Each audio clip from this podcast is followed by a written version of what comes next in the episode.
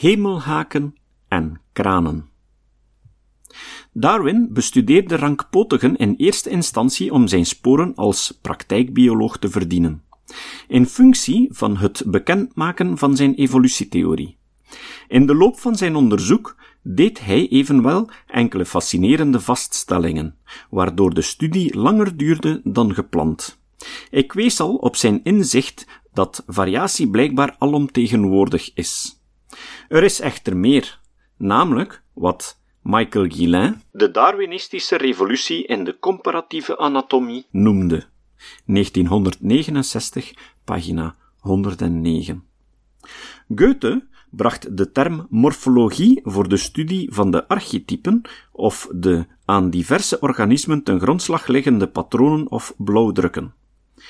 Zijn opvatting verwoordde het voorheen onuitgesproken idee in wat sindsdien de morfologie heet, dat er in de natuur een eenheid van plan bestaat. Die idee ontstond echter niet op basis van overtuigende feiten. Integendeel. I.S. Russell drukt het in zijn geschiedenis van de morfologie, die tot op vandaag als het beste werk hierover geldt, als volgt uit. De idee van de eenheid van het plan was niet gebaseerd op feiten, maar de feiten werden geïnterpreteerd en zelfs gezocht in het licht van de idee. 1916, 1982, pagina 46.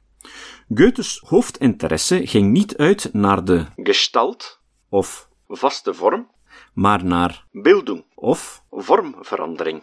Russell, O.C., pagina 49. Hij meende dat de ontwikkeling van het leven in het algemeen en van individuele organismen geleid wordt door een beeldende kracht of Bildungstrieb, die de idee van het leven en van organismen bewerkstelligt. In Goethes visie streven levende wezens ernaar een idee te belichamen, schrijft Russell, Ibid, pagina 50. De idealisten, of platonisten, of essentialisten, zochten naar de weerspiegeling van de ideale vorm in de morfologie van verschillende soorten en organismen. Vanuit evolutionair of populatiedenkend perspectief wordt dat zinloos. Er bestaan immers geen platonische vormen. Bij gevolg kunnen ze nergens in worden weerspiegeld. In de woorden van de Amerikaanse filosoof Daniel Dennett, 1995, de idealistische morfologie nam het bestaan van hemelhaken aan. De Darwinistische zal alleen kranen aanvaarden. Hemelhaken zijn volgens Dennett miraculeuze entiteiten die op wetenschappelijk onaanvaardbare of in elk geval onverklaarbare wijze bepaalde evolutionaire feiten zouden teweegbrengen. Bijvoorbeeld de mens, bewustzijn, intelligentie, taal of het vermogen tot het ontwikkelen van cultuur.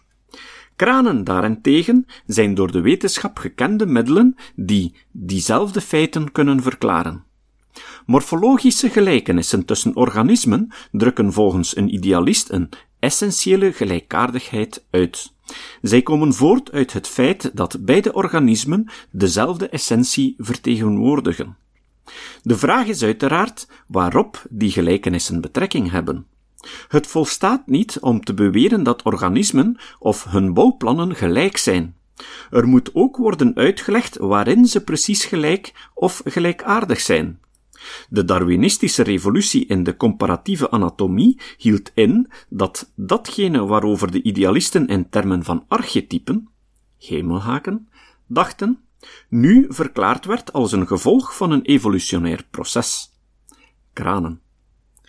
Philip Reebok maakt in The Philosophical Naturalist 1983 duidelijk dat de Britse filosofische naturalisten, dat wil zeggen idealisten of transcendentalisten, geïnspireerd door onder meer Plato, Kant, Goethe, de Duitse natuurfilosofen en Coleridge, zochten naar platonisch-idealistische a priori bouwplannen waarop organismen de natuurlijke variaties vormen.